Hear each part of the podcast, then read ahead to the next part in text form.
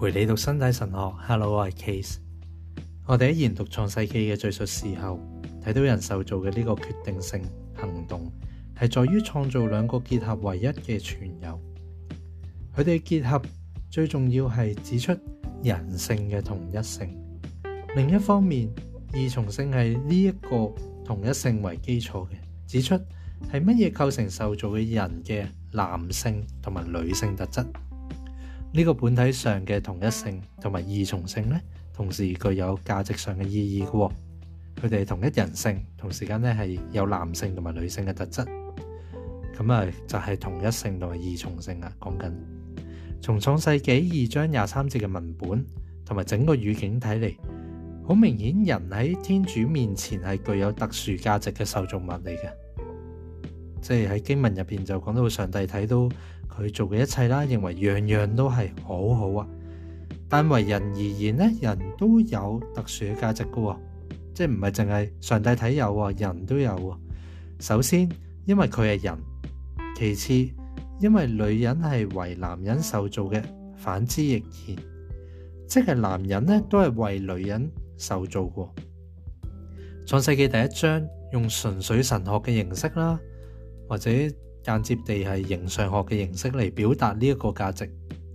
相比之下咧，《創世記》第二章可以話係啟示咗人咧第一次體驗嘅價值。呢個經驗咧早已經明握喺原初孤獨嘅意義入邊噶啦，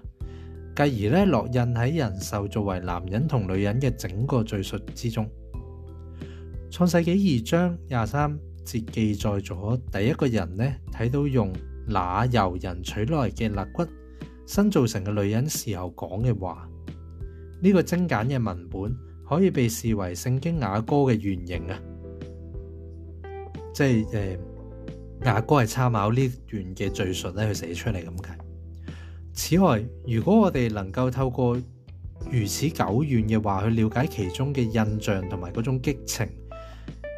咁我哋甚至可以大胆咁讲啊！男人喺面对女人嘅人性同埋另一個人嘅女性特質時，佢首次表現咗嘅原初嘅激情所具有嘅深度同埋力量呢睇嚟係獨一無二，同埋唔可以再重複嘅。再講多次啊！如果我哋能夠透過如此久遠嘅話去了解其中嗰種印象同埋激情。即係第一個人見到嗰個由人取來嘅肋骨造成新女人嘅時候，嗰種印象同埋激情，講咗嗰番説話。咁我哋甚至可以大膽咁講，女人喺面對男人喺面對女人嘅人性同埋另一個人嘅女性特質嘅時候，佢首次表現嘅原初嘅激情所具有嘅深度同埋力量呢，睇嚟係獨一無二嘅，同埋呢係唔可以重複嘅。咁樣。人通过男性同埋女性特质达至嘅原初结合嘅意义咧，表现为打破咗孤独，同时啊，为人嚟讲啊，即系为男女双方啦，呢个人嚟讲咧，肯定咗喺孤独入边构成嘅人咧嘅各种要素。喺圣经嘅叙述入边，孤独系通向结合嘅途径。咁啊，根據梵蒂岡第二次會議啦，我哋可以將呢一種結合咧界定為位制共用啊，即係喺位格同位格之間嘅一個共用。如早前所述嘅喺原初孤獨入邊，人藉住將自己同埋其他所有生物都區分呢個過程，接觸到佢個人嘅意識，即係發現自己係唔同。與此同時，佢喺咁樣嘅孤獨入邊咧。向一个相似自己嘅存友咧开放出嚟，呢个存友就系创世纪所技术嘅，就系一个与他相称嘅助手啊。为身为魏格嘅人嚟讲，呢种开放咧系决定性嘅。事实上，呢个或许比区分本身咧系更具决定性嘅。喺亚威典嘅叙述入边，人嘅孤独唔单止呈现咗为人首次发觉魏格固有嘅。超越性特质，而且亦都如同发觉一种切合于位格嘅关系，从而表现为向人与人嘅位制共融开放同埋期待人与人嘅位制共融。由于团体啊呢个字系好笼统嘅，即系 community 啊呢个字系好笼统，含义好多好多样嘅。因此咧喺度，我哋唔会讲佢一个 community，但系咧共融呢个字咧，即系 communal 咧呢个意思咧就更较为丰富，亦都好准确，因为佢正系指出嗰个助手可以话系存在于一个位格旁边嘅另一个位格。喺呢个圣经嘅叙述入边咧，位格系为咗另一个位格而存在嘅。呢个事实本身咧系致命嘅，唔需要再解释噶啦。维格就系为咗另一个维格而存在啊，就系现实咁样铺陈咗出嚟。因为人喺其原初孤独入边，从某个意义上嚟讲，已经存在于咁样嘅关系入边。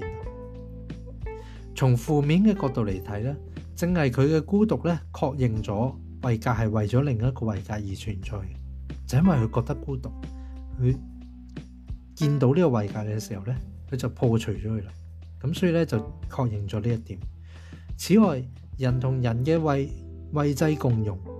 只可以基于男人同女人双方嘅孤独而形成嘅，亦即系话佢哋从生物世界区分自己嘅过程入边咧，相遇到嗰啲动物都唔系可以诶同我系相配嘅，但系双方见到嘅时候咧，就知道对方系啦，使双方有机会彼此依靠而生活。同埋存人存在助手嘅观念咧，亦都表达咗呢种相互嘅依存。嗰个系唔会发生喺其他生物身身上嘅呢一种孤独咧，系不可缺少嘅，就系构成咗双方各自嘅孤独基础嘅一切。因此，亦都包括咗佢嘅自我认识啦，佢嘅自决能力啦，亦即系主体性同埋自身身体意义嘅嗰啲嘅觉察。都系先有呢啲嘅基礎咯，呢啲孤獨嘅基礎嘅喺《創世記》嘅第一章，人受造嘅敘述，從一開始已經直接確認咗人係按住上帝嘅形象受造為男人同女人。相比之下呢創世記》嘅第二章嘅敘述呢係冇提到上帝嘅形象嘅，不過呢，就用其特有嘅方式呢呈現咗首先體驗到原初孤獨嘅人嘅完整同埋決定性嘅受造。表达出男女形成嘅位制共用就得以诞生啦。咁样，亚威典嘅叙述同第一个叙述嘅内容咧系一致嘅。反过嚟讲，如果我哋想从亚威典嘅文本叙述揾到上帝嘅形象呢个概念咧，我哋就可以推论啦。人成为上帝嘅形象咧，唔单止系透过佢自身嘅人性，即系唔系一个人自己嘅人性咧。就成為咗上帝嘅形象，唔單止係咁嘅，亦都透過咗男女自起初形成嘅人同人之間嗰個位制共用。形象嘅功能係反映作為一種 model 嘅嗰一個係一個典範，反映咗個典範，亦重現其自身嘅原型啊！即係重現上帝嘅誒 p o o 妻嗰個原本最最原初最。第一个参考嘅嗰个原形铺砌，相比孤独嘅时刻，人喺共融嘅时刻更能够反映到上帝嘅形象。事实上，人自起初已经系形象嚟嘅，不仅反映咗嗰个主宰世界嘅嗰一位嘅孤独，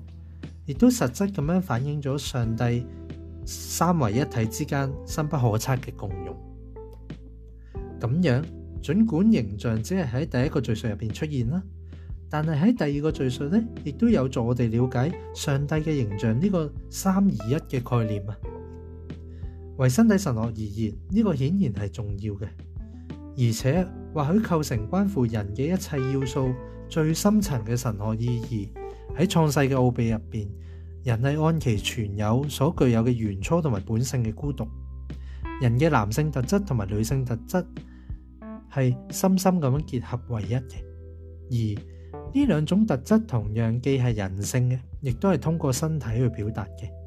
呢一切自起初已经获得生育繁殖嘅祝福啊，诶，同人嘅身肉系有关嘅。咁样我哋就进入咗人学现实嘅一个精髓啦。嗰个精髓就系身体。创世纪二章廿三记载嘅话：，我肉中嘅肉，骨中嘅骨。直接咁样同埋首度第一次讲到呢个精髓，人讲呢番话嘅时候，好似佢唯有喺见到女人嘅时候，先能够识别同埋指出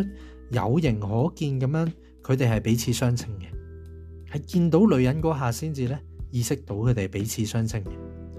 同时亦都喺呢一诶喺呢个上边咧人性得以展现。我哋喺较早之前咧分析咗所有身体，系人籍住帮生物起名而接触到同埋俾一个概念性定义嘅所有身体，即系讲紧个身体系嗰啲包括埋受造生物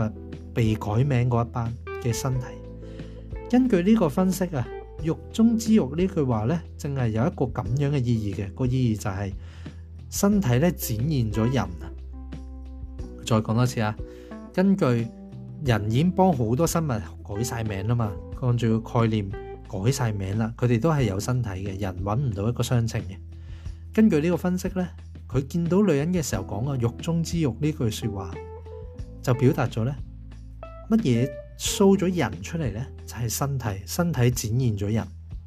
呢個簡明嘅表述已經包含咗人類科學就作為有機體嘅身體結構啦，佢嘅活力啦。佢特有嘅性生理啦，等等等等，所能说明嘅一切啦，就系我哋嘅身体展现咗人。人嘅第一句话，肉中之肉，亦都指出咗系乜嘢令到身体真正系人性嘅咧？从而亦都指出咗系乜嘢决定人就系位格。而咁样嘅位格咧，就系因其肉身性而诶似上帝嘅存有。因此，从人学而论，我哋已经深入咗身体呢一部分。人嘅身体呢个现实嘅精髓，然而我哋唔能唔难发现呢个唔单止系人学啊，即系乜嘢系人，且实质上呢系神学上面嘅精髓添。人系按住上帝嘅形象受造噶，身体神学自起初已经同人嘅受造有关。从某个意义嚟讲啊，亦都系性嘅神学。即系 sex 嘅神学，更确切咁讲，就系关于男性同埋女性特质嘅神学，而且佢个起步点就喺创世纪呢一度。创世纪二章廿四节记载咗嘅话，说明咗男女结合唯一嘅原初意义。呢个意义呢，将会喺上帝嘅启示入边咧，带来一个广阔深远嘅影响。身体结合唯一，即系二人成为一体啦，具有多重嘅向度嘅。佢有道德嘅向导啦，喺马太福音十九章记载住，诶，基督帮法利赛人俾法利赛人嘅回应入边咧，肯定咗佢有道德嘅向导系规范性嘅，亦都咧，诶，有圣事嘅向导咧，圣礼嘅向导啦，咁呢个系完全神学性嘅，就喺保罗咧以弗所书入边咧所肯定到嘅，咁啊，以后会再提，而且亦都参考咗咧先知嘅传统嘅。呢個係因為通過咗身體而實現嘅結合，自起初就不僅指向身體，亦都指向人同埋人為制共融嘅一個體驗啊！即係透過呢種人同人嘅，即係男同女二人成為一體結合咧，體驗咗乜嘢叫做為制共融，而且呢一種結合咧，自起初已經需要由呢個共融咧先可以達成。男性同埋女性特質表達咗人嘅肉身結構咧，有兩部分，即係我真係我骨中嘅骨、肉中嘅肉呢段經文啦。並且藉住《創世記》二章廿三節所在嘅同一句話指出，自自身身體意義嘅全新嘅意識，之前佢冇咁嘅意識佢依家重新有一個新嘅意識。我哋可以話呢個意義係在於互相去豐富人類。藉住呢一種意識，重新塑造咗自己，形成咗人同人嘅位制共融。喺人受造嘅敘述入邊，以及其中所在關乎身體嘅啟示入邊，呢個意識似乎係一個比男女肉身結構結構更加深入嘅層次，即係唔係淨係話男人同女人嘅身體結構結合係成為一體，有一個更深入嘅層次。不過無論如何。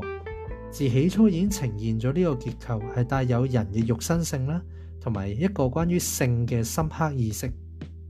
即係男性同女性之間个性嘅深刻意識。而且從神學而論，呢一種了解，誒去了解人呢，確立咗一個唔可以動搖嘅法則，要從咧男性同女性嗰個位制共同咧去了解。咁我哋咧下次再讀。